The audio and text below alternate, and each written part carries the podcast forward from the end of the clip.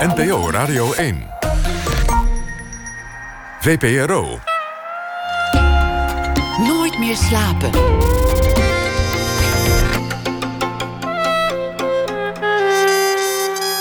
Met Atze de Vriezen. Welkom eh, bij Nooit meer slapen. In de podcastserie De Man is Lam onderzoekt Rashif El Kaoui wat het betekent om vandaag de dag man te zijn. Straks na half twee het achtste deel alweer, waarin Rashif het concept vaderschap opzoekt. En het komende uur zit tegenover mij, dus tot een uur of half twee, Nienke Nasserian Nielissen. En als je die naam uitspreekt, dan hoor je meteen al dat daar een soort verhaal in zit. En dat is ook zo. 25 jaar geleden werd ze geboren in Venlo als dochter van een Nederlandse tropenarts en van een stamhoofd van de Maasai. Jazeker, die traditionele stam die leeft in Tanzania en Kenia. Dicht bij de natuur, leven vol rituelen. En Nienke Nasserian Nielissen die leefde het zelf niet, het leven, want na een paar jaren in Tanzania trok haar moeder weer terug naar Nederland. Haar Afrikaanse verleden verdween in de achteruitkijkspiegel, maar nooit echt helemaal uit zicht. Zelfs niet nu ze door het leven gaat als mezzo-sopraan, klassiek getrainde zangeres. Haar afstudeervoorstelling heette dan ook Masai, onderzoekt haar roots en vooral ook die van haar vader. Uh, en het vervolg heet Mzungu, een woord dat uh, gebruikt wordt voor Europeanen, voor toeristen. Ook een beetje voor de voormalige koloniale overheersers. Een voorstelling die gaat over haar broertje Natait, die in maand ongeveer in ons land doorbracht. Een complete shock meemaakte uh, door de wereld die hij ineens zag. En die shock die was toch ook wel een beetje wederzijds, heb ik het idee. Ja, ja dat klopt inderdaad. Want ehm, ik, ik, het, het, was best lastig om Natheid in Nederland te krijgen. Of in ieder geval, hij had nog geen paspoort. En hij moest een visum hebben, zorgverzekering. Krijg je niet zomaar. Krijg je allemaal niet zomaar. Eh, de geboorteakte en de data van zijn geboorte zeg maar, op de paspoort kwamen niet overeen. Allemaal gedoe. Dus, uh, dat Wat vrij gewoon is, geloof ik, hè? Voor mensen die ja, in een ja, gemeenschap leven. Ongeveer, ja, inderdaad. Zo, het jaar, dat moet kloppen. En dan, ja, niet eens. Volgens mij is hij nu nog steeds in het document zes jaar ouder dan dat hij daadwerkelijk is. Maar we waren al lang blij dat hij een paspoort had. Um, maar dus, het, duurde twee, drie maanden of zo voordat hij alles in zijn bezit had. En uh, daardoor had ik me helemaal niet echt voorbereid over hoe het dan zou zijn als hij hier in Nederland was. En um, na dag twee denk ik dat ik dacht, poeh, een maand. Dat is best lang. Dat is best lang. Want je kende hem waarschijnlijk ook niet of nauwelijks. Je hebt een paar nee, keer gezien misschien? Ja, nee, ik heb hem een paar keer gezien. Ik heb als baby, wat je net al zei, in, in Tanzania gewoond. Um, ja, daar weet ik dus niks meer van. Uh, totdat ik anderhalf was. Daarna ben ik op mijn negende en op mijn achttiende uh, twee weken in Tanzania geweest. En toen heb ik hem in totaal denk ik ook ja, drie of vier dagen gezien. En toen ik 23 was en ik er naartoe ging, toen, um, toen, toen klikte het heel erg. Toen, toen was hij twee weken bij ons. En uh, hij sprak voor het eerst Engels, waardoor ik echt met hem kon communiceren. Nogal een verschil. Ja, ja, Dat, dat doet veel. Maar hij, je, je voelt die klik. Je, hij zegt ook ergens tegen jou, dat vertel je ook in die voorstelling, dat, dat jullie eigenlijk een soort tweelingen zijn ja. op andere continenten. Hoe, ja, hoe zit dat? Nou ja, we schelen maar een week in leeftijd. Dus ik ben de oudste, een, een week ouder. En um, we lijken heel erg op elkaar. Daar zijn we wel achter gekomen. Dus ondanks dat we in die twee verschillende werelden zijn opgegroeid. Um, ja, lijken we op elkaar als, als we dansen, hebben dezelfde dansmoves, terwijl we die eigenlijk nooit van elkaar hebben geleerd. Uh, als we boos of chagrijnig zijn, dan worden we allebei heel stil. Um, dus je voelt echt dat jullie uh, bijna hetzelfde zijn. Maar jullie zijn, uh, ja, ze zeggen een week ertussen. Dat kan eigenlijk niet volgens de Nederlandse maatstaven. Nee, ja. Dat kan in Maasailand wel. Daar kan dat je hebt, hoeveel waren het ook weer? 34, 34 broers en zussen? en zusjes. Dat is eigenlijk gewoon heel gebruikelijk voor iemand die stamhoofd is van een Maasai. Of is dat eigenlijk toch wel uitzonderlijk? Nee, nee, Zoveel? nee. Het is vrij veel, vrij aan de hoge kant. Maar het is, is, het is niet uh, ongekend daar. Nee, dat is daar ehm, toch vrij vaak wel aan de hand dat er veel, veel familieleden zijn. Ja, ja, maar ik kan me ook wel voorstellen, inderdaad, als je dan zoveel mensen hebt die familie van je zijn, maar die je niet of nauwelijks kent, dat je dan toch toetrekt naar diegene die eigenlijk gewoon parallel aan jou opgegroeid is. Dat, ja. dat kan me heel goed voorstellen. Ja, ja zeker. Je merkt gewoon dat we ook omdat we gewoon dezelfde leeftijd hebben, dat je sneller klikt al. En um, ja, dat, dat ging heel fijn. Dat was ja, heel prettig. En waarom wilde hij naar Nederland? Nou ja, ik wilde hem eigenlijk vooral heel graag in Nederland. Um, omdat ik uh, in, in gesprekken hadden we het over dingen Bijvoorbeeld uh, had ik het over een achtbaan. Waren we in, in, in, in de Serengeti in een safari jeep. En um, dan heb je zo'n hobbels. Dus ik zei, oh, it's, it's like a rollercoaster. Gewoon het gevoel van, van neervallen. Ja, en, ja. ja, dat zei ik. En hij had zoiets van, hmm, uh, en toen probeerde ik dan uit te leggen wat ik dan bedoelde. Maar hij had nog nooit in een achtbaan gezeten, natuurlijk nog nooit gezien. Alleen in films, uh, dat dan wel. En dat, dat, dat was met heel veel dingen dat ik dacht, oh, ik wil heel graag ook mijn wereld met hem delen. Hij, ik ben dus nu vijf keer Ja, je bent echt een paar keer opgezocht daar natuurlijk. geweest. Ja. ja. Ja. dus ik wilde ook heel graag mijn wereld laten zien. En um, gewoon herinneringen creëren samen. Uh, hem aan vrienden voorstellen, aan mijn familie. Ja, dus dat was uh, het doel jij, kent, van... jij kent wat dat betreft die cultuur van hem... waar je zelf natuurlijk ook vandaan komt... waarschijnlijk al door en door. Als je een paar jaar daar een paar keer in je leven daar naartoe gaat, dan, dan studeer je er waarschijnlijk ook echt op. Dan wil je er alles ja, over weten. Ja, ja, in ieder geval. Ja, toen ik negen was, toen, toen, toen overkwam het me allemaal. De ceremonies natuurlijk en alles. En uh, toen ik, ja, het is, het is ook wel echt, met name door de voorstelling, dat ik echt uh, boeken ben gaan lezen over de Maasai. En extra veel research heb gedaan naar, naar die die kant van de familie. Ja. Het is gek eigenlijk. Hè? De Maasai dat staat heel ver van ons af. En toch zijn er heel veel mensen in Nederland die denk ik op zijn minst van dat volk ja. gehoord hebben. Ja. Al was het maar, ik herinner me van, van, van uit de jaren negentig. Ik heb het toevallig weer eens opgezocht. Een reclame waarin de Maasai een rol spelen. Van. Pijnenburg, een oer-Hollandse uh, ontbijtkoekmerk. Ja, ja. Oh. Nou ja, de meeste mensen ik weten over de Maasai. Dat is natuurlijk zo mooi. Een soort ritueel, dat ze zo springen. Ja. Ik zag een reclame, ik heb weer teruggekeken. En dat ging over, ja, waarom springen ze nou zo hoog? Het kwam doordat eh, een missionaris daar ontbijtkoek... ha- koekhappen had geïntroduceerd. Nou, dat is een reclame, Dat als je dat nu ziet. Dat is zo racistisch. Dat kan je niet geloven dat het ooit bestaan heeft. Ja. Maar dat weten mensen wel van de Maasai. Dit soort dat dus rituelen eigenlijk. Ja, klopt. Klopt. Ja, daar staan ze echt onbekend. En de gekleurde doeken. Ehm, ja, ik ben natuurlijk wat bevooroordeeld. Maar ik, ik vind het gewoon een heel mooi, kleurrijk volk om, eh, om te zien. Ja. Ik was toen ik... ehm, dus op mijn 23ste, dat was voor de voorstelling... was ik met een fotograaf. En ehm, ja...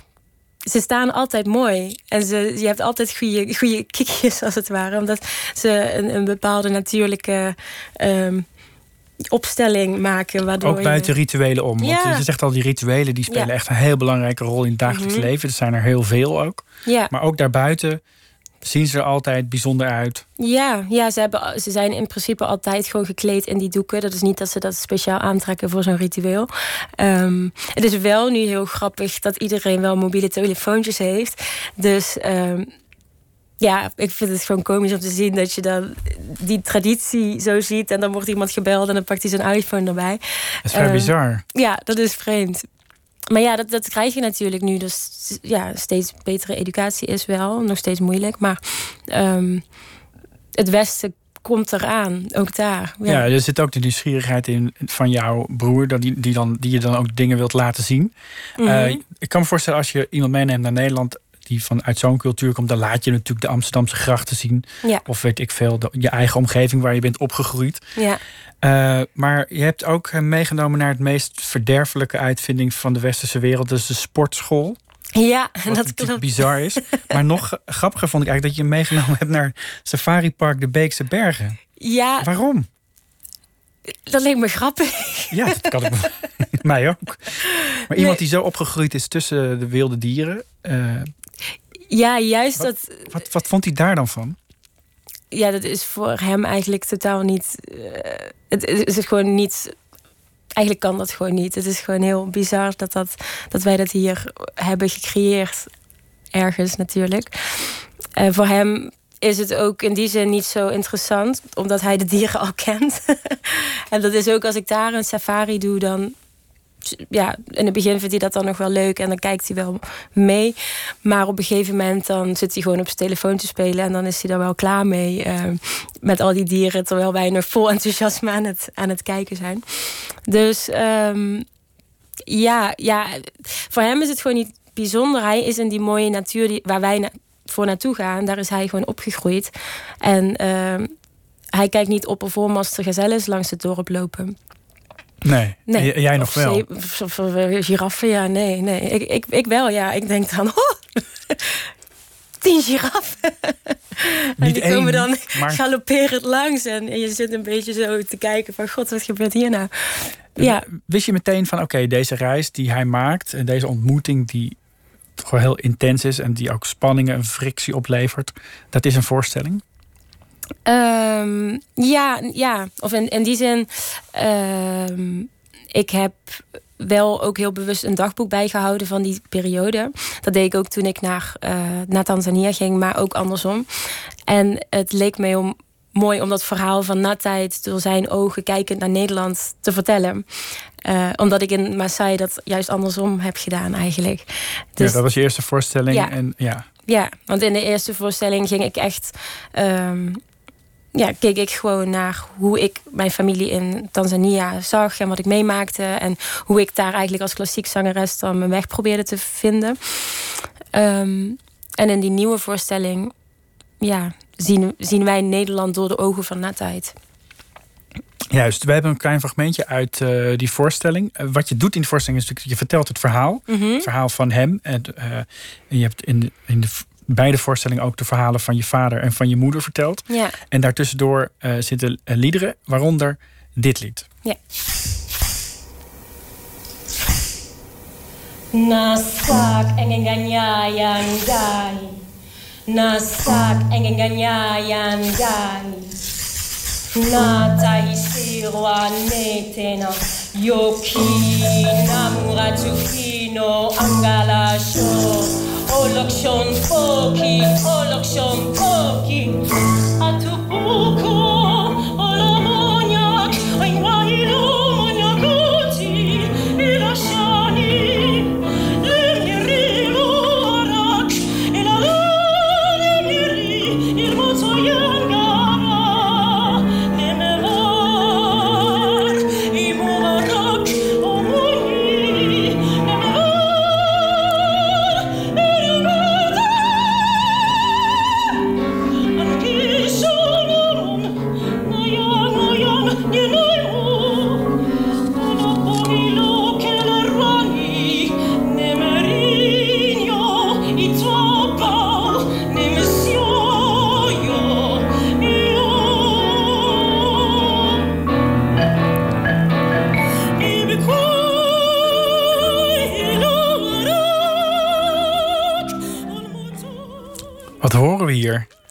Van alles. Van alles, ja. ja het, eh, ik heb in de voorstelling Maasai-teksten gebruikt. Eh, dit was zo'n Maasai-tekst. En het stuk heet Greetings Heavenly Dawn.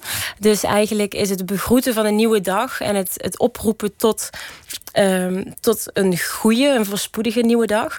Dus dat er geen neushoorns en speerpunten de weg mogen... mogen, mogen, mogen eh, verspreiden, waardoor je uit elkaar getrokken wordt. En dat er geen wilde dieren je dood mogen maken. Eh, maar een dat soort je- gebed eigenlijk. Ja, het is echt, eh, ja, ja, eigenlijk gewoon echt een gebed op een hoopvolle toekomst. En eh, dat je maar zo oud mogelijk mag worden. En is dat iets wat gezongen wordt of voorgedragen? Want jij hebt het natuurlijk bewerkt. Voor- Ja, nee, het zijn echt eh, eh, liedjes eigenlijk, ja, die zij daar zingen. Ehm, en mijn vader die heeft die in een boek wat hij heeft geschreven allemaal genoteerd met een Engelse vertaling. En ehm, dus die, die liedjes die heb ik in die zin, of nou ja, ik, ik heb die gebruikt. Of Kaori Neus, eh, een componist, heeft die teksten gebruikt en die op muziek gezet. Ehm, want ik wilde kijken en onderzoeken in hoeverre Maasai-teksten konden worden gebruikt voor een, een klassieke opera, als het ware. Het, het resultaat horen we al, maar ik- je zou haast vragen, kan dat inderdaad? Eh, is, het, is het makkelijk om dat te vertalen naar dat eh, idioom? Ehm, nou ja, daar heeft, heeft zij, wat ik zei, eh, Kaori, heeft daar natuurlijk vooral haar best op gedaan. Ik denk dat het heel goed is gelukt. Ehm, ik kwam met een heel vaag plan en zij heeft het uitgevoerd. Ik ben heel blij met het resultaat. Maar ehm, ja, het is, het is natuurlijk niet heel gangbaar om eh, Afrikaanse operamuziek te hebben. En dan helemaal geen? Maasai. Ehm, ja, in Zuid-Afrika zijn een aantal eh, componisten die opera's hebben geschreven. Maar Afrikaans bijvoorbeeld? Of, Ja, Lul- eh, Zulu. Dus ehm, ja, Kumalo heet die, heet die componist waar ik wel eens een stuk van heb gezongen. Maar het zijn er niet zoveel. Ben je daar ook naar op zoek gegaan? Naar voorbeelden van eh, Afrikaanse Ja, ja, klassieke muziek... Ja. die weer eigenlijk een soort crossover met westerse Af- eh, klassieke muziek is? ja, klopt. Ja, maar het is echt heel lastig te vinden. Eigenlijk is alleen die, die eh, Prinses Mogogo, heet die opera dan, is de enige opera die ik heb gevonden. Dus ja, Ja, wat dat betreft on, onontgonnen terrein. Ja, ja, ja, ja. Er is zeker nog veel op zich veel, veel in te ontwikkelen, denk ik. Ja, ik, in, dat was niet in dit nummer, maar in, in andere liederen gebruik je bijvoorbeeld ook echt je benen als eh percussie-instrument. Ja, Dat is iets wat je een operazangeres natuurlijk nooit ziet doen. nee, nee, klopt. Of niet, eh, ik, ja, nee, niet zo vaak. Ehm, ja, ik, ik wilde inderdaad, Afrika staat natuurlijk bekend om de ritmes. En ehm, dat wilde ik heel graag in de voorstelling dus stoppen. Ehm, Dus dat, eh, dat, dat incorporeer je dan. Is daar ruimte voor binnen de klassieke muziekwereld in Nederland om dat soort crossovers te doen? Eh, ik denk het wel. Ik denk wel, dit is natuurlijk klassiek muziektheater, dus dat is misschien wel net wat ehm, eh, ja, vrijer in die zin dan echte opera die traditionele opera, zeg maar, die al eeuwen, eeuwen, eeuwenlang bestaat. Ehm, dus in die zin is dit wel een goede plek om dat uit te proberen en eh, daarin te zoeken naar, naar een nieuwe vorm van opera. En wat dat betreft is het natuurlijk wel grappig dat je met twee werelden aan de, aan de slag gaat. En die ongelooflijk verankerd zijn in tradities. Ja, Die als het ware door elkaar met elkaar een clash laten komen. ja, Eigenlijk op hun grondvesten laat schudden. ja. Is dat iets wat je ook wel bewust zo doet? Dat, uitdagen van die tradities? Ehm, nou ja, ik denk dat dat eh, ja, eh, zo is ontstaan inderdaad. Maar ehm, het is niet per se dat ik die tradities wilde uitdagen, maar wel dat ik heel graag het verhaal wilde vertellen waar die tradities in voorkwamen. In ieder geval van de Maasai. En ehm, ja, opera bestaat inderdaad ook uit hele, hele lange tradities. Zeker, ja. ja. Ja. Ja, je gebruikt natuurlijk niet alleen eh Maasai-liederen, eh, maar ook bijvoorbeeld een, een heel bekend, overbekend nummer als Summertime, Gershwin. Mhm, ja, je hebt wel je, je favoriete aria genoemd. ja. Maar waarom past het in een verhaal over Maasai, over Tanzania, over Afrika? Ehm, in, in de opera Porgy and Bess zingt, eh, wordt het stuk gezongen tegen een babytje. Het is echt een lullaby, een slaapliedje eigenlijk. eh, of slaapliedje. In ieder geval wordt er gehoopt voor een glansrijke toekomst en een hoopvolle ehm, nieuwe, ja, een hoopvolle toekomst. En ehm, ik heb het in mijn voorstelling over moeders, eh, over verschillende moeders, maar waar dat stuk komt, heb ik het over Mama Yendi. En eigenlijk staat zij in die zin centraal daarin ehm, als moeder en als eh, dat het heel, hoe noem je dat, heel ehm, fijn voelde om bij haar te zitten. En ze nam de tijd voor me. Het was echt een hele. ehm, ja, zij gaf me ook heel erg veel rust en hoop daarin of zo. Dus ik Ja. vond het een heel passend nummer om op dat moment in mijn voorstelling te, te zetten. Je, je hebt eh, die, die broer van je, die kwam over, die staat centraal in die voorstelling. Toch heet je voorstelling, heet, is naar hem genoemd bijvoorbeeld. Het heet Mzungu. Ehm, wat, wat, ja, ik noemde net al een soort van vertaling, maar misschien kun je zelf beter vertellen wat het voor jou betekent, dat woord, waar het voor staat. Ehm, nou ja, het is eigenlijk ook meer in, omdat het het vervolg is van Maasai. Dacht ik, dan wordt dit Mzungu, omdat ehm, eh, ik ben niet helemaal een Maasai, maar ook niet helemaal Mzungu. Dus het zit er een beetje zo tussenin. En eh, in de voorstelling Mzungu gaat het ook over mijn moeder, die eh, als Venloze vrouw naar Tanzania gaat, 30 jaar geleden. En ehm, Zonder twijfel een Mzungu was. zij was zeker een Mzungu. Dus daarom ehm, vond ik het ook een passende titel. En eigenlijk was Natheid ook hier een beetje de Mzungu. Hij was dan niet wit, maar hij was wel de vreemde e- eend in de beide. Of in ieder geval in een nieuwe wereld waar hij nog niks kende. En dat voelt toch ook wel een beetje, als je, de, als je die vertalingen proeft, er, zijn verschillende vertalingen van. Er zit toch altijd iets toch negatiefs aan eigenlijk. Een soort negatieve bijsmaak. Als je nou een toerist bent bij zo'n cultuur... dat voelt als, alsof je daar een pottenkijker bent... die er niks te zoeken bent, hebt. Ehm, s- sowieso is het... Ja, er zit iets... ja. Je hebt hier niks te zoeken. Ja, dat weet ik niet. Volgens mij is het gewoon. Het maakt niet eens eens zo per se uit hoe je, hoe je eruit ziet of zo. Of, ze noemen mij ook een Mzungu. Ik ben dan een Nasu Mzungu. Dat is een halve Mzungu. Ehm Is dat iets hoger in de hiërarchie? nou ja, dat weet ik niet eens. Maar je, je ziet aan mij wel gewoon als je westerse kleding aan hebt, dan ben je eigenlijk gewoon een Mzungu. Ehm, en ehm, ik weet niet of het per se negatief is. Het is in ieder geval wel een makkelijke aanduiding voor, voor de mensen die, eh, voor de toeristen. Ja. Hey, eh, ik kan me voorstellen dat je zegt, ik weet niet of het negatief is, maar als ik jou hoor praten in die voorstelling, gaat het wel over hoe, wat je moet doen om een echte Maasai te worden. Hè? Dan Mhm. moet je dus ook bepaalde rituelen. Het gaat niet alleen om of je, of je huid wel donker genoeg is. Het gaat juist om of je de rituelen accepteert, ondergaat, et cetera.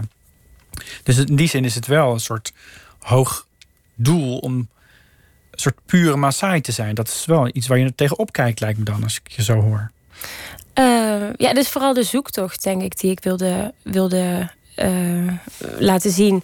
In hoeverre ben ik nou een Maasai? Of, en hoeverre, waar sta ik tussen mijn beide families? En ehm, waar hoor ik thuis? En inderdaad, welke tradities kan ik me wel in vinden en andere weer niet? En ehm, ja, dat is ja, gewoon die zoektocht, dat heb ik eigenlijk vooral willen laten zien. Ja. En hoe is die zoektocht dan eigenlijk in Nederland verlopen? Want je bent hier natuurlijk eh, opgegroeid, je hebt een opleiding gedaan, je bent in de klassieke muziekwereld gekomen. En daar ben je dan weer, eh, word je meteen ongetwijfeld herkend omdat je niet wit bent, terwijl de meeste mensen dat wel zijn. Ja. Heb je daar een soortgelijk traject doorlopen waarin je ging onderzoeken of je er thuis hoorde en hoe dan? Ja, ja, voor mijn masterscriptie heb ik ehm, echt letterlijk die vraag hoe ik als zwarte operazangeres in de, de witte wereld van de klassieke muziek thuis hoor. Dat was letterlijk mijn onderzoeksvraag. Eh, daarvoor heb ik heel veel mensen geïnterviewd en ehm, het, het- het- ja, Wat kom je dan tegen? dat het in ieder geval vroeger ehm, lastig was om als zwarte zangeres eh, rollen te krijgen die voor witte mensen bedoeld was. Eh, dat staat dan niet altijd eens dus op papier, maar dat is dan bedacht door de casting directors of door de. eh, Dit moet een blonde vrouw zijn. ja, blond. Is- Ja, ja, in Mozart. eh, ja, dit dit moet een blonde vrouw zijn. Zijn er natuurlijk ook genoeg donkere mensen met blond haar, al dan niet geverfd, wel of niet. Maar, ehm, maar dat is wel, wordt wel wat beter volgens mij. Dus Maar dat- we dat- staan wel open. Dat is natuurlijk wel iets wat ongelooflijk actueel is natuurlijk. Ik bedoel, we hebben het, deze week gaat het ineens over... eh, kan een zwarte acteur James Bond spelen? Wat natuurlijk een soort oer-Britse Mhm, ja. witte man is... en dat altijd ook geweest is. Kun je, dat, kun je daaraan tornen? En dat geldt misschien ook voor een opera van Mozart... of weet ik wie uit het verleden. Ja. Kun je dat openbreken?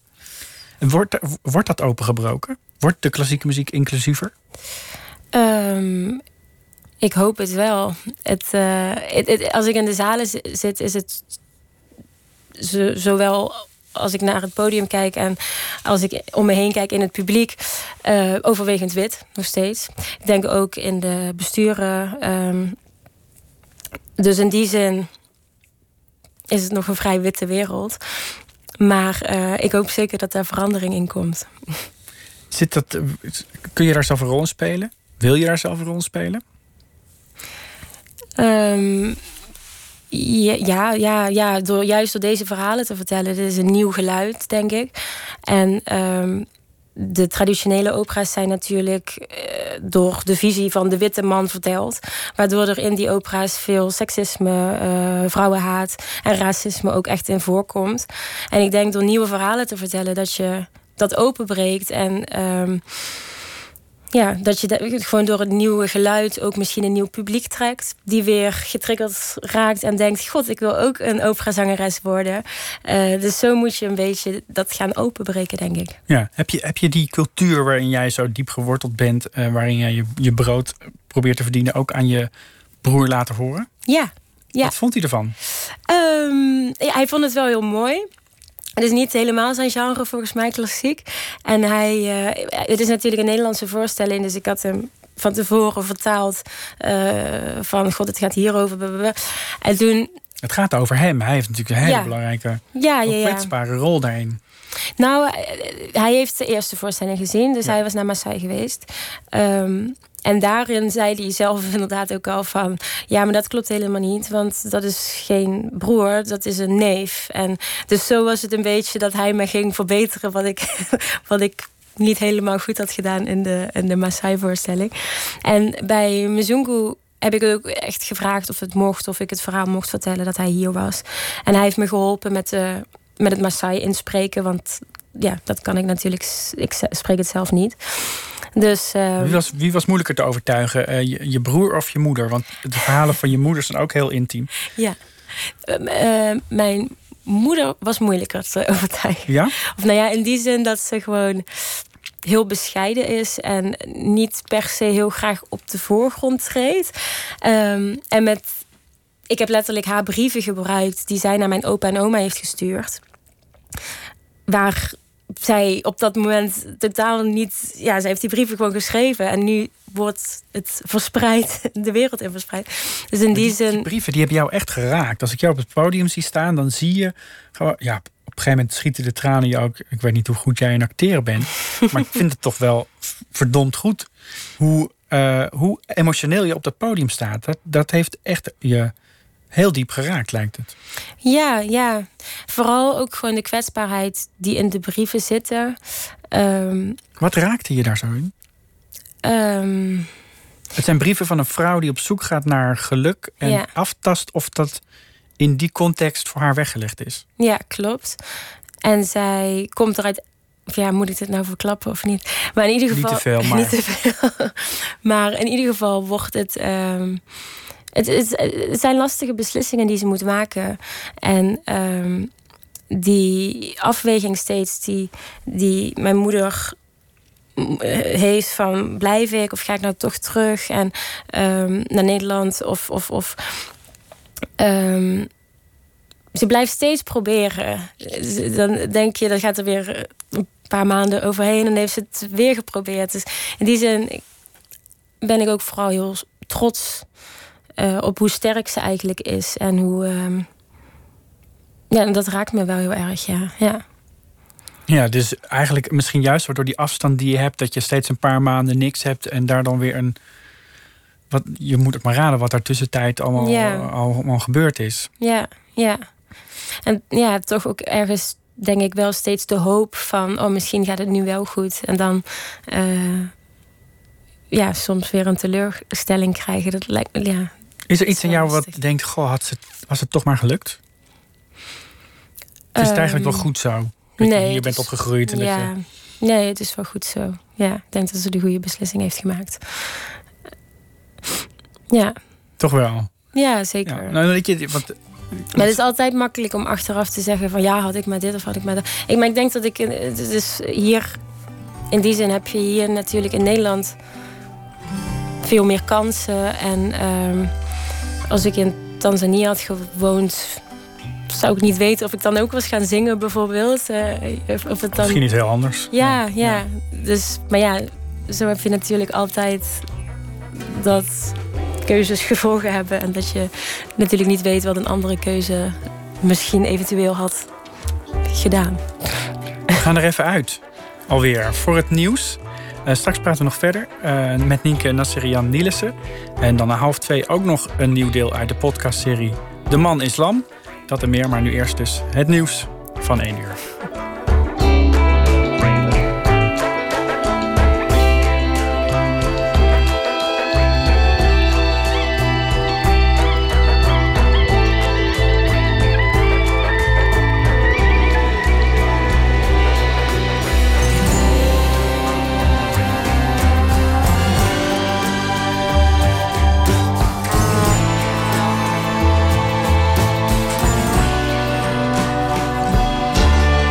Radio 1. Het nieuws van alle kanten.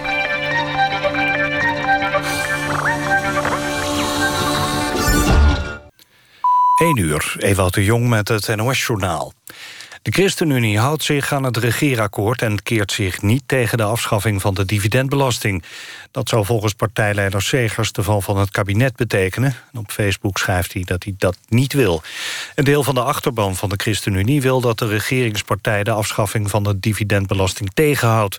Segers begrijpt de bezwaren, maar zegt dat er vorig jaar al een afweging is gemaakt. Bovendien staan er volgens hem genoeg maatregelen tegenover... die de partij toejuicht. Bij een brand in een portiekflat in Den Haag is een bewoner zwaar gewond geraakt.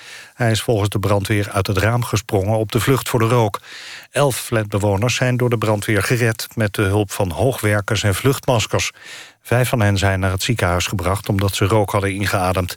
De brand is waarschijnlijk ontstaan in de kelder van de flat in Den Haag... waar een scootervlam had gevlat. Hawaii maakt zich op voor de gevolgen van orkaan Leen. Het is de eerste zware orkaan in 30 jaar die de Amerikaanse staat dreigt te treffen. In de storm die nog boven de Stille Oceaan hangt... worden snelheden gemeten van 250 km per uur. Op sommige plaatsen is al veel regen gevallen. De grootste gevolgen van de orkaan voor Hawaii worden vannacht verwacht. De Rijksuniversiteit Groningen roept medewerkers op studenten in huis te nemen. Dat schrijft het Dagblad van het Noorden. Met de oproep wil de universiteit iets doen tegen het dreigend tekort aan slaapplekken. Vooral buitenlandse studenten kunnen nauwelijks een kamer vinden. In Groningen zijn de afgelopen weken in hoog tempo studentenwoonruimtes ingericht, maar dat is waarschijnlijk niet genoeg. Het weer, een gebied met flinke buien trekt over het land... met kans op onweer en hagel. Vannacht wat droger, behalve aan de kust. Minima tussen 9 en 12 graden. Overdag buien met onweer en hagel... met een stevige noordwestelijke wind. In het binnenland ook wat zon. Het wordt niet warmer dan 17 graden. Ook zondag en maandag is het koel en nat. Dit was het NOS Journaal. NPO Radio 1. VPRO. Nooit meer slapen.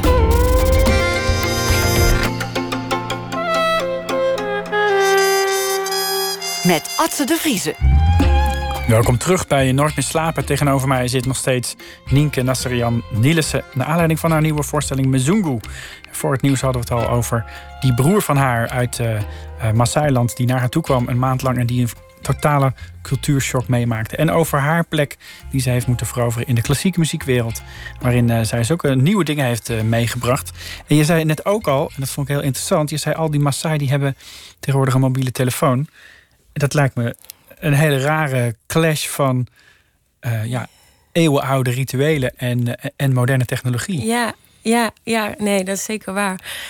Um, bij mij bij mijn vader in het huis hebben ze zelfs een uh, televisie. Ja. En uh, dan verzamelt iedereen zich uh, in, het, in dat huis, of ja, huis, maar in, in, in, op die plek om daar ehm, uh, ja, een videoclip hadden ze, waren ze aan het kijken van dansende Maasai muzikanten ook. Uh, dus, het is heel, dus wat dat betreft blijft het wel dicht bij huis. Wordt niet naar Michael Jackson. Nee, nee, nee, toen toevallig niet. Misschien dat ze dat ook hebben. Dat, uh, maar ja, maar ook bij mijn vader is dan het centrale punt waar alle opladers liggen.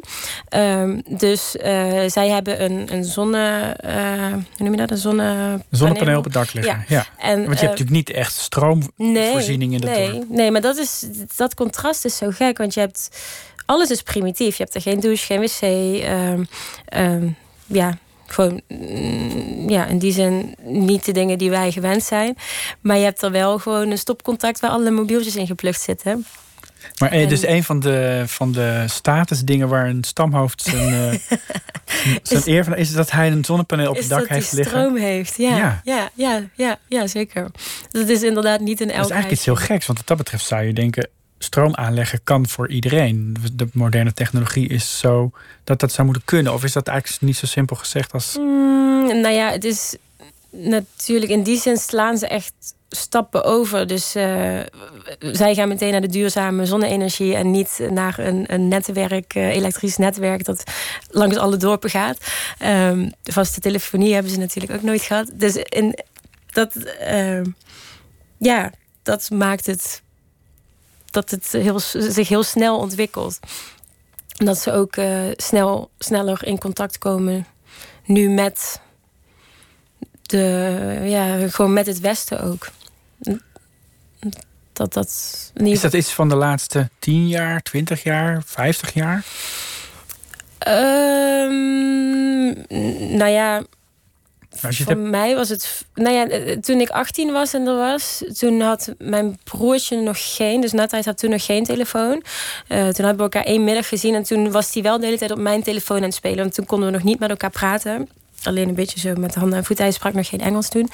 Dus toen eh, ja, zat hij een beetje mijn foto's op mijn, mijn telefoon te bekijken. En ehm, dat was toen wel heel interessant voor hem. Dus dat is echt snel gegaan. Want Er zijn er binnen zo'n maatschappij ook mensen die dat juist als bedreigend zien. Want het is natuurlijk een maatschappij die eh, bepaalde tradities en rituelen bewaakt, doorgeeft van generatie op generatie. Ik kan me voorstellen dat het in, in drie decennia volledig afgebroken wordt door dit soort ontwikkelingen.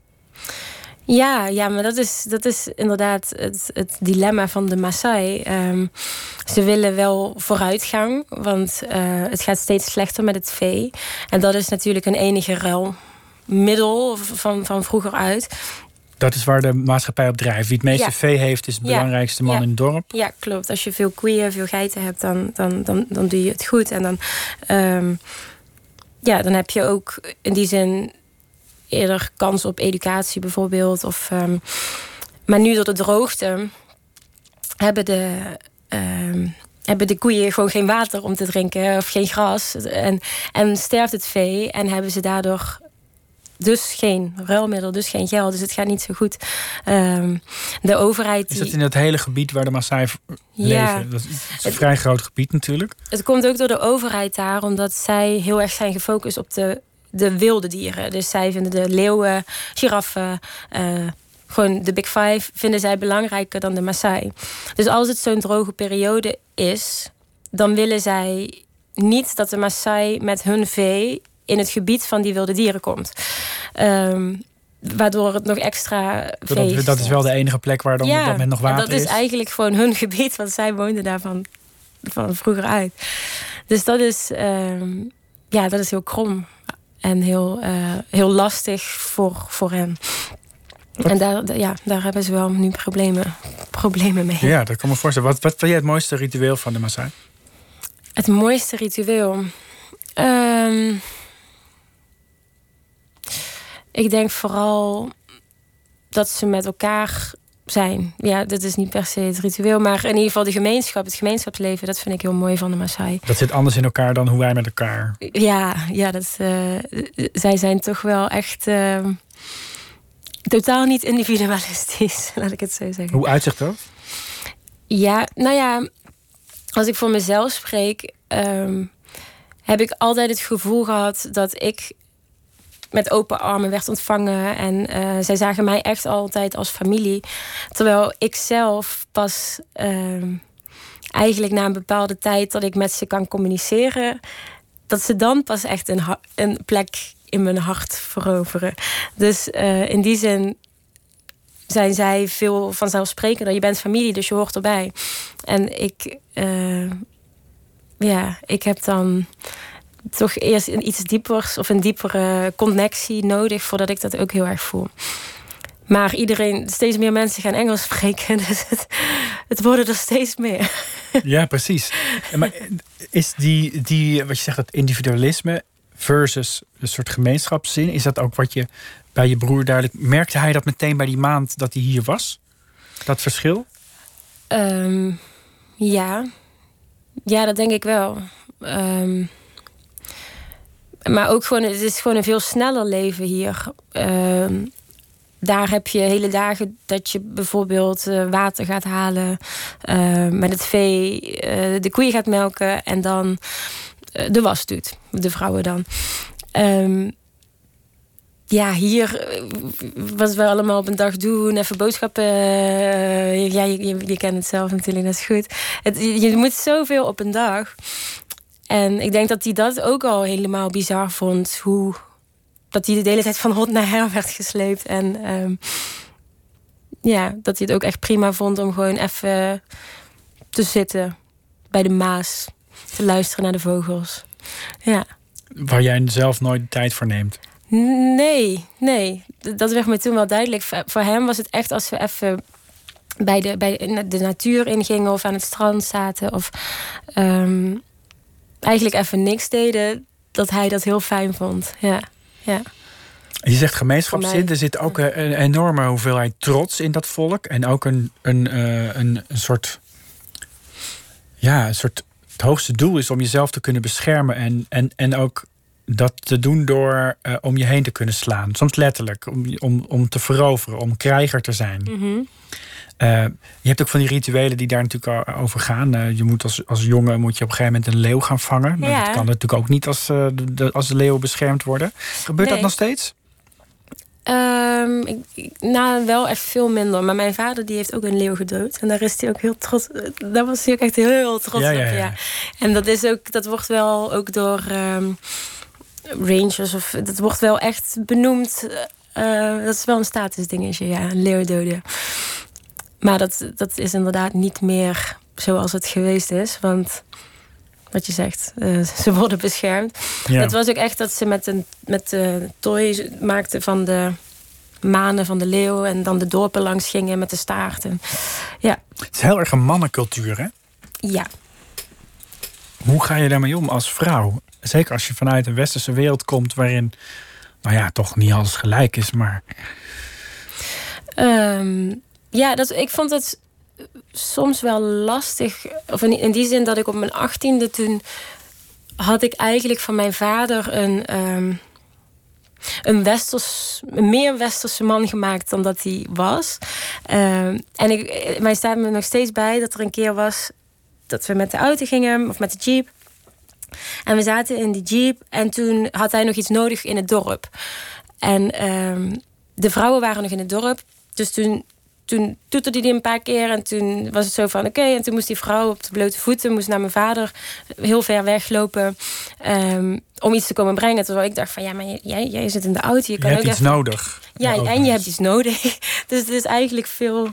Hè? Voor mij voelde dat dat ik dacht, nou, oké. Oh ja, ja, ja, ja, ja. ja. Maar heb je dat, zeg je dat dan tegen? hem? kon je dat zeggen? Mm, Of nee, vragen? nee, nee, dat durfde ik denk ik ook niet. Nee, nee, nee. Dus in die zin is dat lastig. En het is ook lastig omdat de vrouwen over het algemeen geen Engels spraak- eh, spreken. Ehm, dat zie je wel heel goed dat de educatie bij de vrouwen echt nog wel nog meer achterloopt dan bij de mannen. Ehm, dus daarom kan ik met hen ook heel, heel, heel slecht daarover praten, bijvoorbeeld. Ehm, ja. Ik merk als je naar die voorstellingen van je kijkt dat je, je, je, je tast heel erg af. Je doet het ook met een soort open blik vanuit alle perspectieven. Dus zowel het verhaal van je moeder als van je broer als van je vader. Maar er is wel één onderwerp waar je eigenlijk toch, al raak je er maar heel even aan, toch vrij uitgesproken bent. Dat is die, die vrouwenbesnijdenis. Iets wat vanuit de westerse wereld gezien wordt als iets wat niet kan en niet mag. Mhm. Ehm, jij noemt het een, een ritueel van, eh, vanuit bezitsdrang van mannen, vanuit jaloezie. Dat is onmiskenbaar een, een uitspraak die gevoelig ligt, lijkt me, als je weer met je familie in gesprek gaat over zo'n onderwerp. Ja. ja, maar dat is inderdaad gewoon het lastige. Dat, het, dat, dat zoiets gruwelijks nog steeds daar eh, gebeurt. Ook, ja, officieel mag het vanuit de regering niet meer.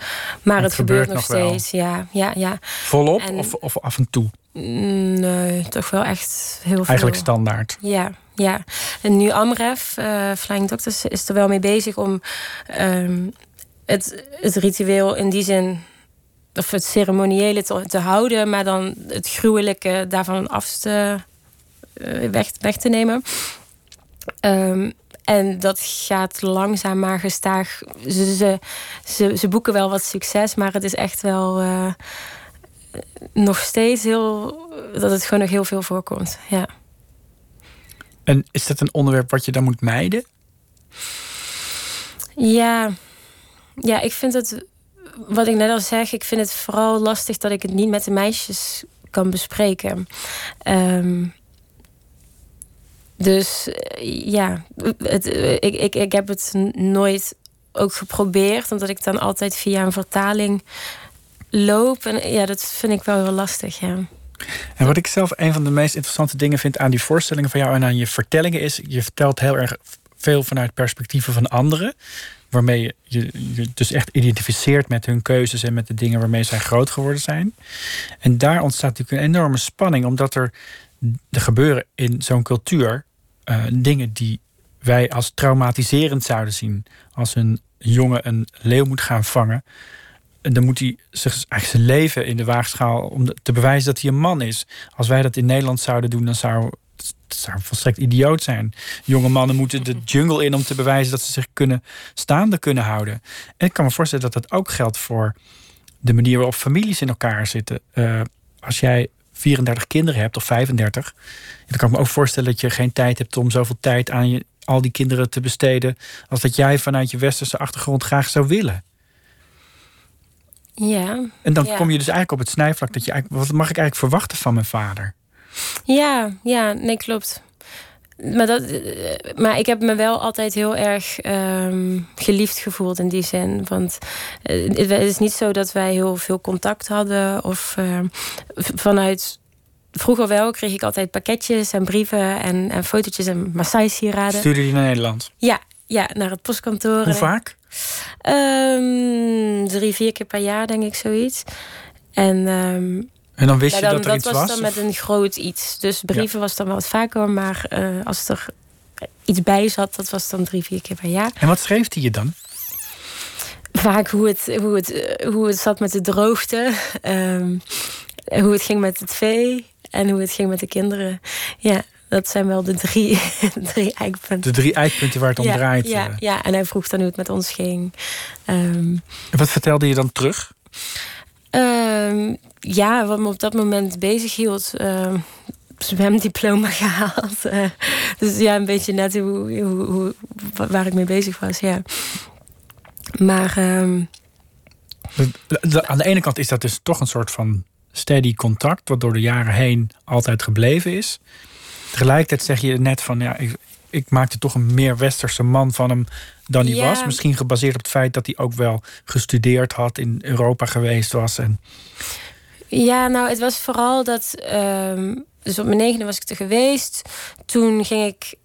Was ik weer terug in Nederland. Toen wilde ik heel graag Engels leren. Omdat ik met hem dus wilde kunnen communiceren. En, ehm, en toen, toen was ik heel enthousiast. Wilde ik ook Nasserian genoemd worden. Eh, dat ik- daarvoor nooit eigenlijk. Nee, toen was het gewoon Nienke. Maar toen ik er net was geweest, moesten ze me... Iedereen, de juffrouw, eh, die moest opeens hup, omschakelen naar Nasserian. Betekent het iets? Heeft het een naam Ja, met een. eh, Eeuwige vrede betekent het. Ja. Ja. Maar... ehm, en, en, en toen had ik schriftjes waar dat dan ook op stond. Maar op een gegeven moment verloor ik die interesse ook weer een beetje. En was- werd het weer gewoon Nienke. En ehm, was het weer... ehm, ja, de, de, de- de orde van de dag. Maar Nasserian werd dus niet je achternaam, maar je roepnaam op dat moment. Ja, maar het is ook mijn roepnaam. Het is, eh, het is echt, ik heb twee voornamen en één achternaam, zeg maar. Ehm, maar dat werd toen mijn, mijn, mijn eerste keuze. daar, ja. En wat grappig is, want je, hebt, je kiest nu als artiestennaam, om het zo maar te zeggen. Ja. Je staat op het podium vaak onder de naam Nienke Nasserian. Ja. En dan is het eigenlijk met je twee voornamen. ja, dat vind ik wel mooi. Ja, Anders die- wordt het zo lang. Die Nillissen er nog bij. En, en inderdaad, om die twee. De, of ja, die twee culturen die ik in me draag. Dat die Nienke is ook zo lekker Nederlands. en Asserian als tegen, tegenkleur erbij. Ja. Nou ging je natuurlijk de laatste keer dat je je vader ging opzoeken... want hij is vorig jaar eh, overleden. Mhm, De ja. laatste keer dat je hem was opzoeken... was je echt bezig met die voorstelling? Nee, nee, want ik ben in oktober nog een keer geweest. Dus op mijn 23e was ik Toen je wist dat hij ziek was. Ja, op mijn 23e was hij al ziek, lag hij in het ziekenhuis. En toen, eh, dat was toen die keer dat ik er eigenlijk was voor de voorstelling. En toen op mijn 24e wilde ik er gewoon heel graag nog naartoe. En ja, leek het er wel op dat dat wel eens de laatste keer zou kunnen zijn. Dat ik hem zou zien. Ja. Hoe, hoe was dat? Ehm, nou, vooral in de. Ehm, hoe zeg je dat? In de weg ernaartoe. Dat, het- dat ik nog niet eh, in het vliegtuig zat. Maar daar was ik de hele tijd heel bang dat hij al zou overlijden. Toen ik het vliegticket had, werd het opeens van: oh je, het zal toch niet dat hij nu opeens nu al eh, overlijdt. En gelukkig was dat niet zo. En hij, ehm, ik ben heel blij dat mijn vriend hem nog heeft ontmoet. Want hij was er nog nooit geweest. En het was ja, hij was in het dorp, dus dat was heel fijn. Omdat toen op mijn 23e zat hij de hele tijd in het ziekenhuis. Dus ik vond het heel fijn om hem in zijn, op zijn plek te zien. Ehm, ja, Hij was heel oud. Hij zat de hele tijd buiten in zo'n witte plastic stoel. Ehm, en soms, sommige, iedere ochtend gingen we daar dan even een praatje maken. En soms was hij heel helder en wist hij heel veel en kon hij heel goed een gesprek voeren. En andere keren was het, ehm, ja, was dat niet zo, was het een beetje een warrig verhaal. Maar ik ben heel blij dat dat, eh, dat, dat nog heeft kunnen zijn, dat we elkaar hebben gezien. Ja. Hij is overleden aan suikerziekte, hoge bloeddruk, begreep ik. Ja. Dat zijn dingen waar je in Nederland gewoon medicijnen voor kunt slikken. Ja, ja. Dat lijkt me dan weer heel wrang. Juist als je het hebt over die vooruitgang en, en eh, progressieve gedachtegoed. En, en Ja. is dat, dat, dat moet pijn doen. Ja, zeker. Ja. Ja, ja, het is inderdaad vervelend als je het hebt in Nederland, maar Mee te leven. je, je kunt je er kunt er ook mee worden. Ja, ja. En ehm, ja, hij kreeg eh, nierfalen, had uiteindelijk ook een katheter nodig en eh, werd blind. Dus zo zie je inderdaad wat, wat er met je gebeurt als je dat niet behandelt. En hoe, ja, ja, hoe, eh, hoeveel geluk wij eigenlijk hebben dat wij hier in het mooie Nederland leven. Daar ben je je zeker van bewust eh, geraakt. Je, je, je- de manier waarop je ook vertelt over hoe je, je, zegt, je broer heb je overgehaald hierheen. Je hebt zijn reis gefinancierd door benefietconcerten te geven. De, de- je voelde als het ware, lijkt het wel ook een soort verantwoordelijkheid ten opzichte van hem of van je familie. Of misschien wel vanaf voor dat hele volk, wat natuurlijk eigenlijk niet kan. Ja, ja, ja, dat vind ik ook heel lastig. Ik probeer dat, daar wat meer afstand in te creëren. In die zin dat ik nu ehm, echt een, een officiële stichting heb opgezet voor, voor de Maasai. Ehm, omdat ik heel erg de behoefte heb om iets te doen. Ehm, maar ik vond het heel moeilijk als ik rechtstreeks de vraag kreeg om geld, eh, bijvoorbeeld. En Maar dan gaat het dus niet zozeer om eh, geld inzamelen voor een goed doel, maar gewoon letterlijk een paar tientjes in je hand eh, gedrukt, gedrukt krijgen. Als je daar bent of als je. Mm, Ja, ja, gewoon dat als ik in Nederland was, kreeg ik soms de vraag of ik, of ik iets kon overmaken van geld. En dat vond ik heel lastig. Vooral als ik bijvoorbeeld dan een tijd niks hoorde. En dan was de eerste vraag van God, mag ik wat geld? En dus ik voelde Deed je dat dan? ja, ja, meestal wel, niet altijd. Ehm, maar daardoor had ik het gevoel van. Ik wilde niet in het, in het hokje van de rijke, het rijke familielid, zeg maar, geduwd worden. En dat doen ze ook in die zin alleen maar als het echt nodig is. Maar ehm, doordat ik nu die stichting heb opgezet, kan ik het een beetje loskoppelen van mezelf. Dat ik wel iets doe. eh, in de vorm van benefietconcerten, wat dus voor mij relatief makkelijk is om zo via de kaartverkoop geld op te halen. Dat is wel interessant, want kijk, jij bent een jonge muziekmaker. Eh, je, je, je zit in een segment waar mensen nou niet per se automatisch miljonair worden als ze eenmaal op het podium. Dat denken mensen vaak wel. Als je op het podium staat, ben je Ja. miljonair, maar het is niet zo. nee, nee, helaas. En toch voel je dus de verantwoordelijkheid om een deel van de optredens die je doet, benefietconcerten te maken. Ja. Ja, ja, nou ja, meer. Ja, ik wil inderdaad wel graag iets, iets, iets doen. En eh, omdat ik het gevoel, eh, gevoel heb toch dat ik bevoorrecht ben en in een bevoorrechte situatie zit. Wij hoeven ons om voor zoveel dingen geen zorgen te maken. Terwijl het voor hun de eerste levensbehoeften zijn voor hun, voor hen gewoon niet zo vanzelfsprekend. En als je dat van zo dichtbij meemaakt, tenminste in ieder geval bij mij, zorgt het ervoor dat ik. ehm, dat ik het lastig vind om, dat, om daar niet naar te kijken. Ja. Dus in, in deze vorm kan ik wel wat doen. Wanneer is dat begonnen? Want ik kan me voorstellen, als je negen jaar bent en je gaat daarheen, dan is er niemand die jou om geld vraagt. Nee. Is er dan een moment dat je volwassen genoeg bent om dat om Ja, op mijn zo drie... gezien te Ja, worden? eigenlijk was het op mijn 23ste jaar. Ja.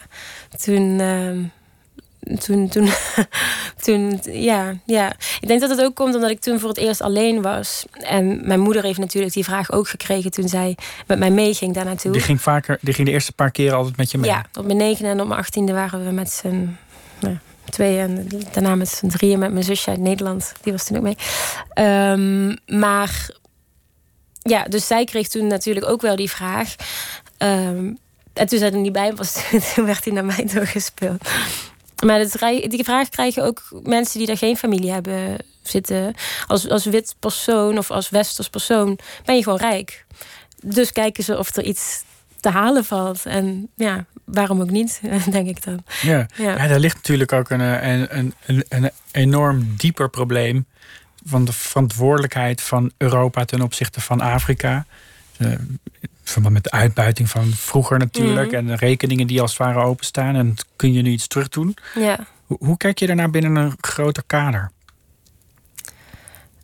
Als in, Mensen die, die nu bijvoorbeeld gelukzoeker genoemd worden, die uit droge plekken wegtrekken, die hierheen willen komen. Oh, die- zo. Ehm, ik, ik denk in ieder geval echt, echt zeg maar, dat, ehm, dat echt de, de, de, vluchtelingen, hè, dat als je echt uit je land weg moet, sowieso, eh, dat, dat dat natuurlijk helemaal nergens op slaat als je die dan ehm gelukszoeker noemt. Maar ehm, ja. Ik denk dat als, als, als mensen het moeilijk, ja, moeilijk hebben, dat ze dan logischerwijs hulp gaan vragen. Ja. en dat, ja. Je aarzelt om dat te zeggen, terwijl het eigenlijk ook weer niet zo ingewikkeld is om dat te zeggen, lijkt me. Ik snap dat je. Mhm. Het is, het is een ingewikkeld onderwerp, en tegelijkertijd is het ook heel makkelijk. Zoals je het nu formuleert, is het eigenlijk heel makkelijk. Als mensen Ja. hulp zoeken, dan. Ja, klopt. Ja, ja. ja, nee, dat is ook zo. Maar het is.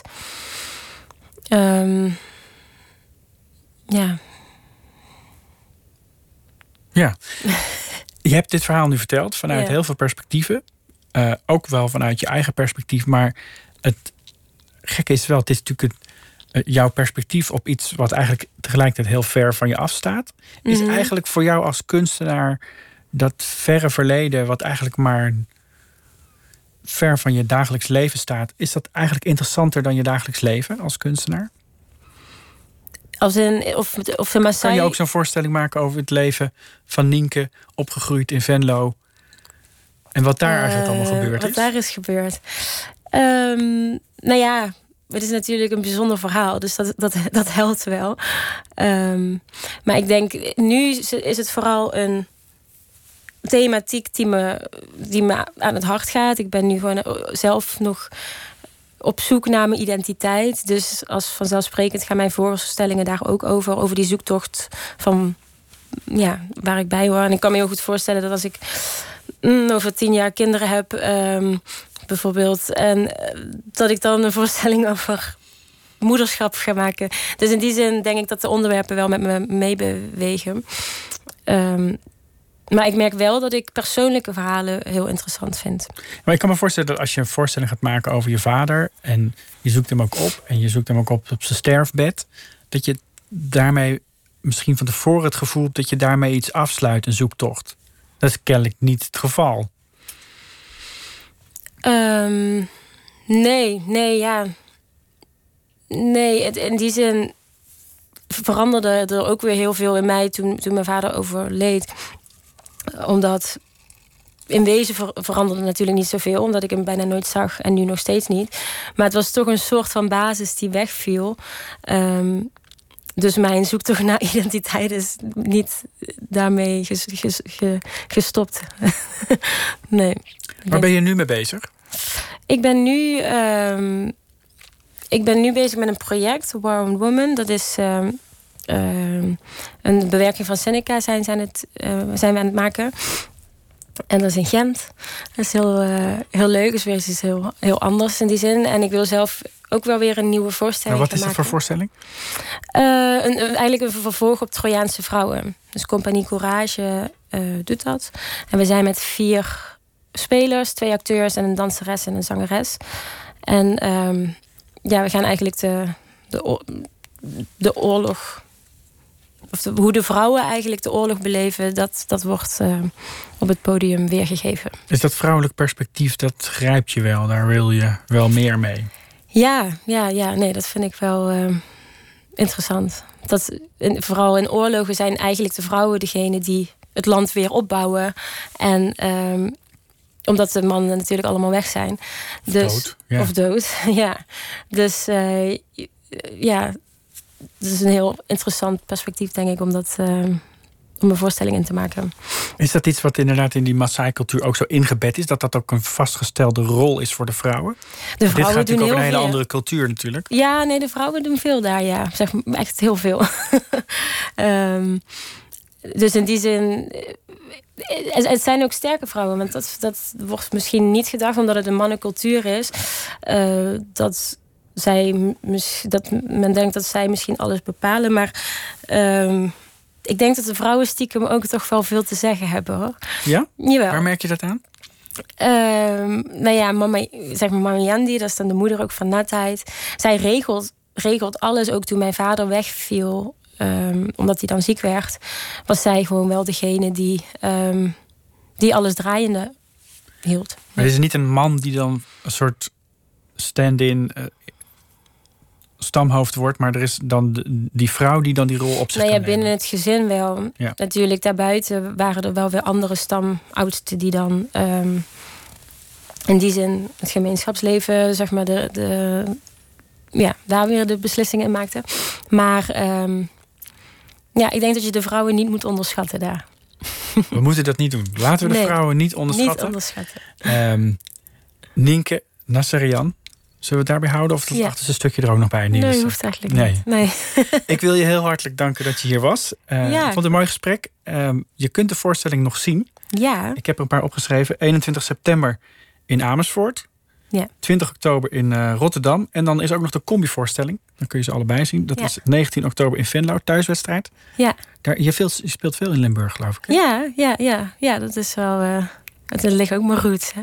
Ja, En 16 september mijn benefietconcert van Saitoti. juist. En waar is dat? Ook in Venlo. We moeten allemaal naar Venlo. Allemaal naar Venlo is Ja. misschien. Eh, wij gaan naar muziek. We gaan naar No Ninja I Am gaan we luisteren. Dat is het alter ego van de Amsterdamse singer-songwriter Sander van Munster. Eerder dit jaar bracht hij eh, de EP uit If You Want This To Mean Something. En we gaan luisteren naar het titelnummer daarvan. Dankjewel, Nienke.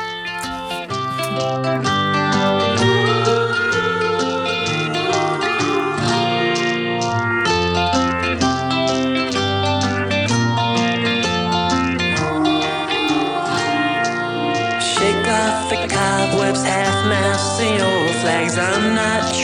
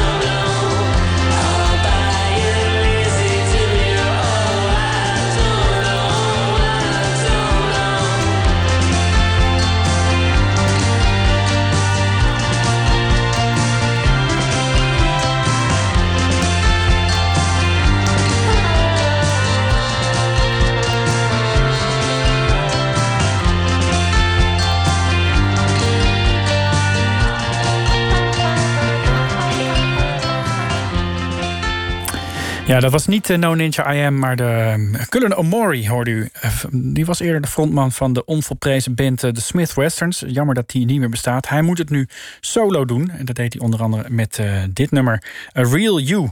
Dat eh, staat op zijn nieuwe album dat later dit jaar uitkomt, heet The Diet. Nooit meer slapen. Wij gaan verder met de podcastserie De Man is Lam. Rashif El Kaoui die gaat op zoek naar wat het betekent om in de 21ste eeuw een man te zijn. In de vorige aflevering stond een eh, mannenavond centraal. Eh, ditmaal, in aflevering 8, duikt hij dieper in het concept vaderschap. Iets heel anders. Now here is a man. To me everything strong. No, he can't do wrong. My dad. My dad.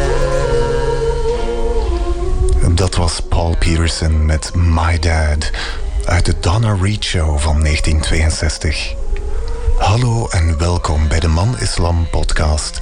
Mijn naam is Rashid El Kawi en ik zal u de komende afleveringen meenemen op mijn zoektocht naar man zijn en naar wat dat in godsnaam hoort te betekenen. Zoals u al kon horen aan het openingsnummer, dit wordt weer een persoonlijke aflevering. Want zoals trouwe luisteraars reeds weten, mijn zoektocht naar man zijn is ook een persoonlijke zoektocht. Om mijn mannelijkheid te onderzoeken, reis ik naar de kiem van mijn Y-chromosoom. Zijnde mijn vroeger voornamelijk afwezige, problematische, overleden vader. Nieuwe luisteraars wiens nieuwsgierigheid geprikkeld is, raad ik aan om de vorige afleveringen te beluisteren via VPRO Nooit meer slapen of via iTunes. Deze week spreek ik met Christine Adriaans, voormalig mannequin, farmaceutisch technisch assistente en ook mijn mama. Ik vroeg haar How Christine met Ahmed El Kawi.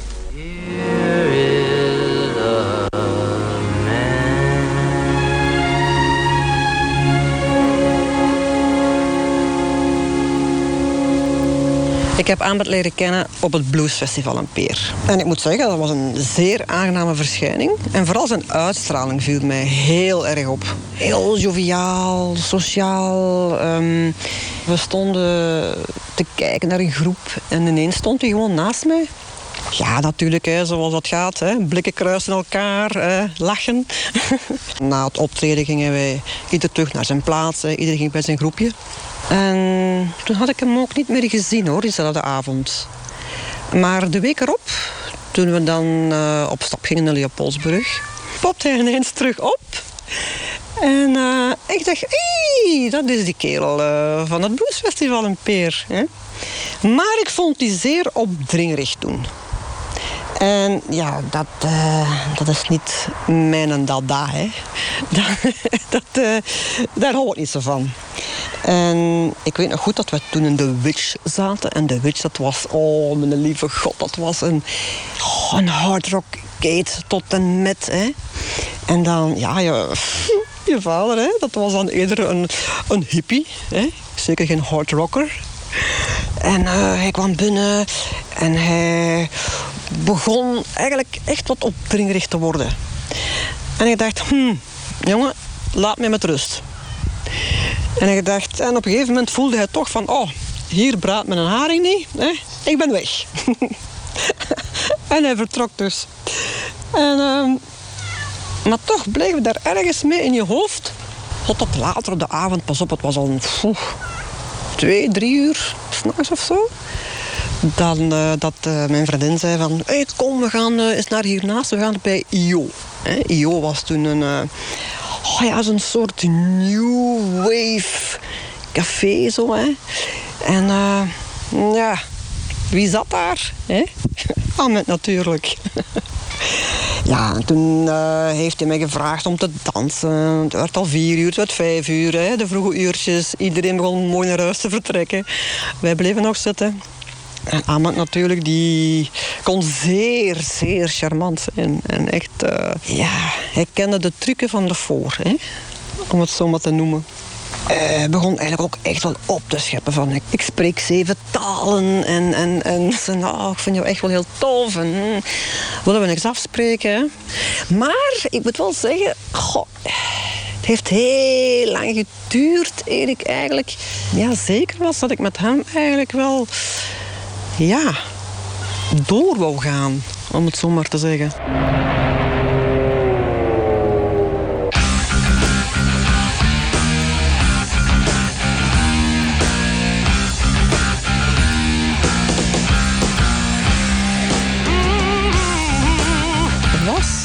Dat ineens de omgeving, hè, die mij kenden van op stap te gaan, allemaal zo naar mij kwamen ze van, oeh, je gaat toch niet met die?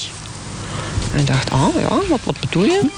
Goh, meisje toch, dat is een straatje zonder eind. Zijn repliek was natuurlijk van, Mort, die zijn allemaal jaloers. Hè. Nu komen ze, hè, want die waren allemaal in jou geïnteresseerd. En nu dat ze zien dat wij iets hebben, hè, komen ze natuurlijk naar jou. En toen was er ook, ook wel een soort racisme dat ook onderhuids kroop van... eh, je gaat toch niet met zo'n zo'n bruine, zeker als met zo'n zwarte. Hè? Dat, dat waren ook reacties die ik kreeg. Ja, het ego is dan nogal een heimelijk iets. Hè? Wat dus eh, verboden wordt, hè? dat wordt dan aantrekkelijk. Hè? En je kiest dan partij op een gegeven moment zo van... Maar, hè? Race for the morning. You can hide in the sun till you see the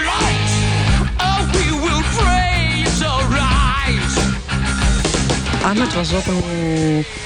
Had zo'n persoonlijkheid van vrijheid op de eerste plaats. En dat allemaal zeer appealing, hè? Dat is eh, als je jong bent en, en vrijheid komt op de eerste plaats. En ik herinner me nog altijd, thuis bij hem waren dan... Ja, dan deden we dan heel spontaan een indianendans rond het salontafeltje en, en toestanden. En, en ja, dat was allemaal was altijd lachen hè, met Ahmed. Het was altijd fijn. Hè. Het was, het was, eh, Op een gegeven moment zeg ik zo tegen een vriendin van me. Ik zeg, goh, ik weet het toch niet hoor. Die persoon vind ik ook wel heel leuk. En, en, en ja, die werkt op de bank. Hè. En dan zegt mijn vriendin, ja, ja, met die persoon zie ik jou geen indianendans doen. Hè? Dus eh, ik denk dat dat heel saai gaat worden voor jou. Een idyllisch begin, ik zou het zo zeggen, eigenlijk. En het ging allemaal heel, heel goed. Totdat jij op aarde verscheen. Hè? En toen eh, was de realiteit wel even helemaal anders. Het is vreemd om dit idyllische begin verteld te horen op audio. Ikzelf heb weinig van deze idylle meegemaakt. Het is vreemd om de verhalen die je door en door kent te delen met de wereld. Ze voelen nooit volledig. Vooraleer we doorgaan met mijn geboorte, wil ik toch nog even de mening over Ahmed via mijn grootouders met jullie delen. De eerste keer dat hij aan de bel ging, eh, ja, stond er een sukkelaar voor de deur. Ja, zo vond ik het. Maar hij was wel beleefd. Hij was ook eh, een beetje verlegen in zijn eigen. En het was een dromige dat hem in zijn gedachten dat hem niet bij, bij het gesprek was of zo. En hij had ook wel een minderwaardigheidsgevoel tegenover ons. Zo. Dat vond ik wel. Ik ben opgegroeid met liefhebbende ouders. Die zeker hun verantwoordelijkheid namen. En eh, dat was eigenlijk heel normaal. En ineens had ik een partner die precies het woord verantwoordelijkheid nog nooit gehoord had. Dat kon mijn verstand gewoon niet aan. Dat ging boven mijn petje. Dat was iets... Ja, ik had daar totaal... Dat, daar was ik niet op voorbereid. Hè? Als zij dan altijd sprak over... Oh, dit en ik ga dit en dat. En, en het was altijd wel heel fijn en dit en oh. En tot ik begon te beseffen van... Oeh, die man droomt wel heel erg. En die man die heeft wel veel idealen, maar niet realistisch. En ja, dan, dan, dan, dat gaat niet. Hè. Je kan niet alleen de kar blijven trekken, dat gaat niet gewoon. Dat, dat is... Baby, dat, dat brengt heel veel was en plas met zich mee. En dat hij dan zei tegen mij, ja, maar ja, we hadden nog geen wasmachine toen zelfs. Hè.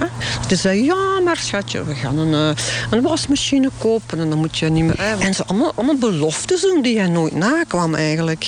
Ja, hij nam gewoon zijn verantwoordelijkheid niet, punt. Het nadeel aan een interview doen waar je de antwoorden al op kent, is dat je jaagt op bepaalde quotes. Ik verwachtte dat mijn moeder zou vertellen over de keer dat hij dronken thuis kwam, met zijn auto een omheining had omvergereden en de politie de volgende dag aan de deur stond met zijn nummerplaat in de hand. Of de keer dat hij aan het babysitten was ergens in Wallonië, bij een scharrel, en een appartement in vlammen is opgegaan. Maar mijn moeder blijft overwegend vaag.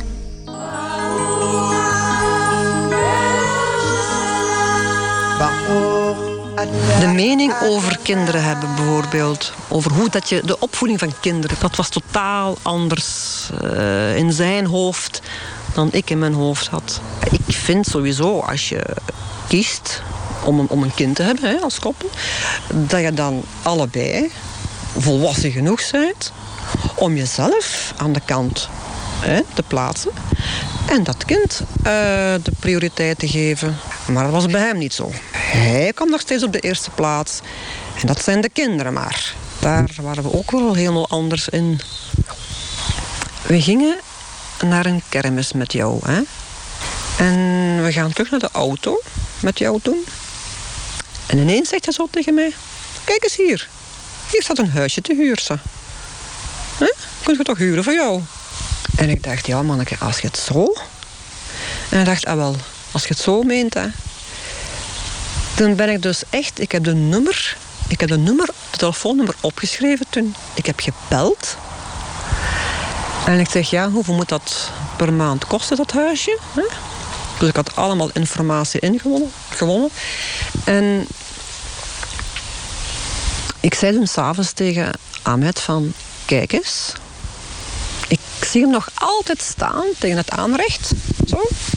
Zijn handen zo over zijn borst gevallen. Zo. En ik zeg, kijk, ik heb gebeld hè, naar dat bewuste huisje. Hè? Dat je mij, tussen haakjes, hè, aanbevolen hebt, heel subtiel. Ik zeg, kijk, ik moet morgen beslissen of ik het neem of niet. Wil je echt dat we vertrekken? En zijn antwoord was van... Tja, tja. Als je wil vertrekken, moet je dat doen, hè. Ja. En toen dacht ik, ja man, dat is een kwal. dacht ik echt kwal.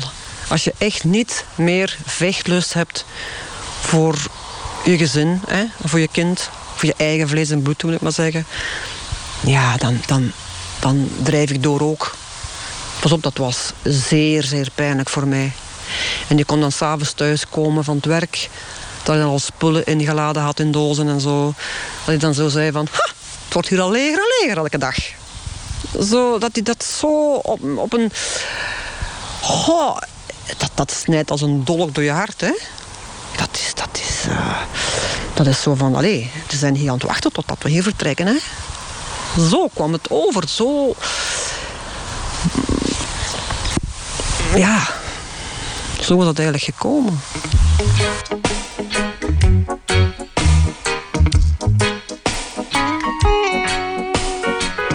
From the Bible to the Quran, Revelation in Jerusalem, Shalom, Salam Alaikum.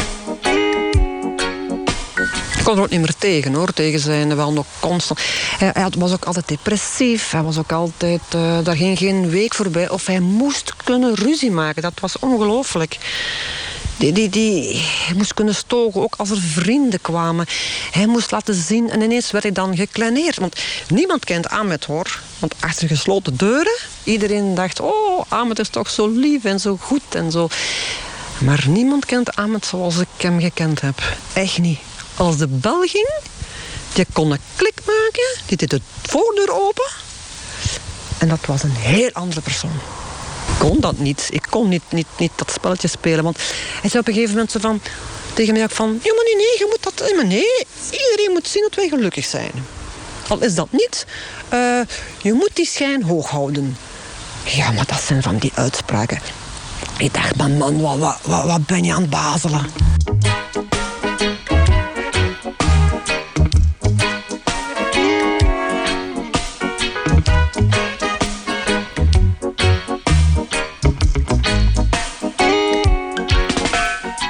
Hij heeft zich zo verzet en zo zich rebels gedragen ten opzichte van zijn vader. Want hij heeft ooit zijn vader zo geconfronteerd dat die man wegschuilden. Hè. Ik weet wel, die oude Marokkaanse mannen hebben dan zo'n jalaba aan met een, met een kap. Hè. Dat zei hij altijd. Ik zie mijn vader nog altijd zitten, zegt hem, met die kap boven zijn hoofd getrokken.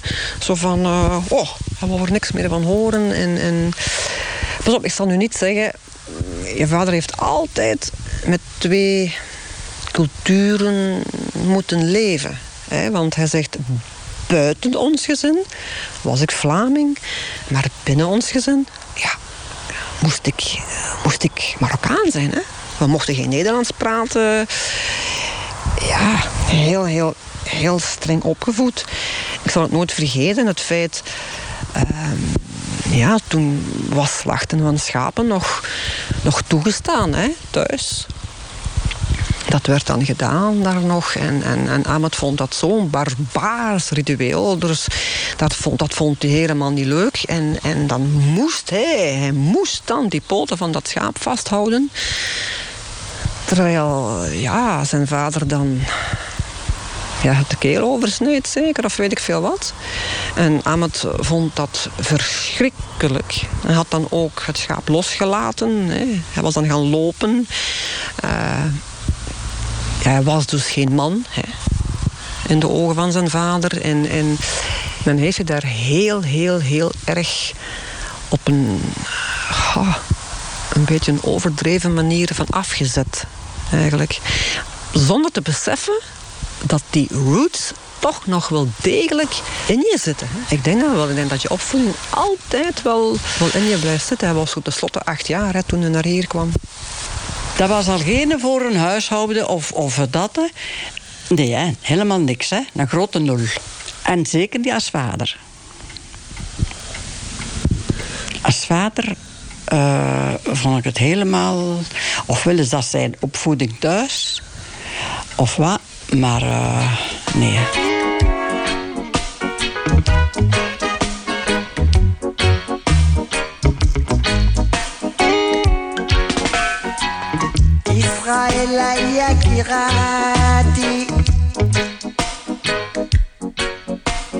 Als er iemand hulp nodig had, hij was er als eerste bij. Maar, dat moet ik ook weer zeggen, wij kwamen altijd op de laatste plaats. Dat vonden ze raar. Hij vond het zo belangrijk hè, om een goed mens gevonden te worden. Zo van, het was altijd een soort bedelen van... alsjeblieft, aanvaard mij toch, aanvaard mij, aanvaard mij. Hij heeft ooit eens in de keuken, toen hij van zijn werk kwam... echt gehuild, gehuild. En ik zeg, ja, maar wat scheelt er toch? Hè? Had het eigenlijk best moeilijk op het werk. Dat hij zegt van, denk je dat het leuk is om altijd te horen van... Hé, hey, kamelendrijver. Hé, hey, geitenneuker. Eh, hé, kom eens helpen, kom eens naar hier. Kom eens dit, kom eens dat. Hij zegt, ik ben het gewoon zo zat. Gewoon echt beu. Van altijd maar de outsider te zijn. En hij probeerde zich zo goed aan te passen en, en weet ik veel wat. En, en hij zegt dat het heeft toch geen nut, zei hij op het laatst. Van, het heeft geen nut allemaal. Ik kan mijn looks niet, niet, niet, niet veranderen. Ik zal toch altijd beoordeeld worden op hoe ik eruit zie. Dan mag op mijn paspoort nog staan Belg. Maakt niet uit. En dat was hij heel, heel erg in ontgoocheld, teleurgesteld. Ehm, ja, dat vond hij eigenlijk best wel heel, heel erg, ja. She wanted test her husband. She knew exactly what to do. A pseudonym to fool him. She couldn't Het is vreemd hoe ik bij het herbeluisteren van het materiaal toch weer de wrangheid in mezelf voel. Er zit nog pijn onder de woorden van mijn moeder, maar niet zoveel als ik verwacht had. Ik betrap me erop dat ik misschien toch niet helemaal klaar ben met hem. Ik dacht niet meer kwaad te zijn op hem, maar misschien ben ik onbewust nog steeds de kwade tiener.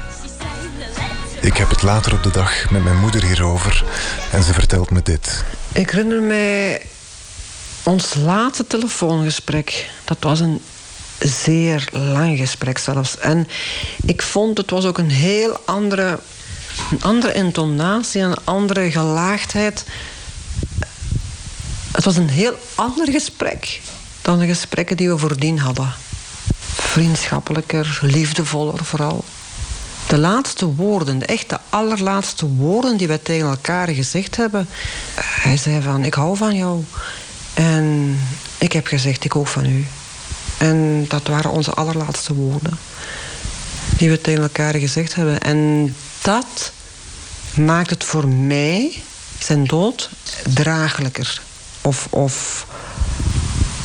Ergens was er ook nog geen closure, hè? Er moest nog zoveel gezegd.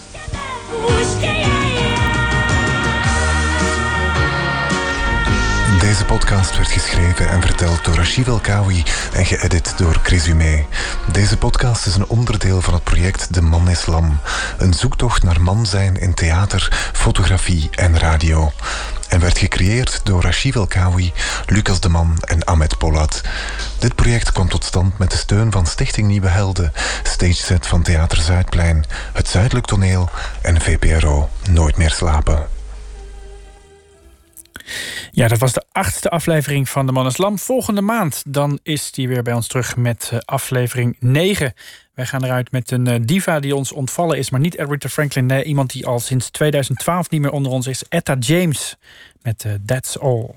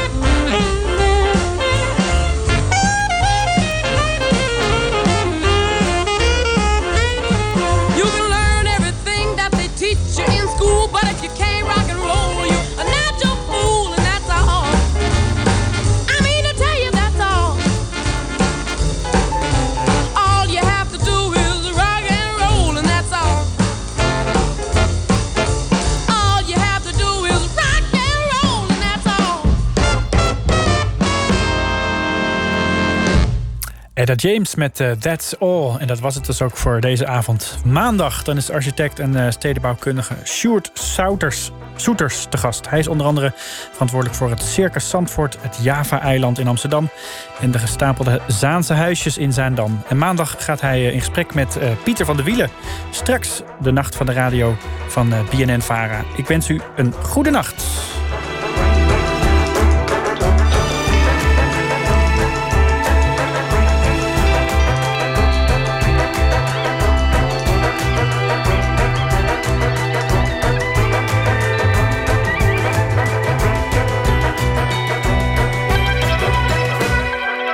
Radio 1, het nieuws van alle kanten.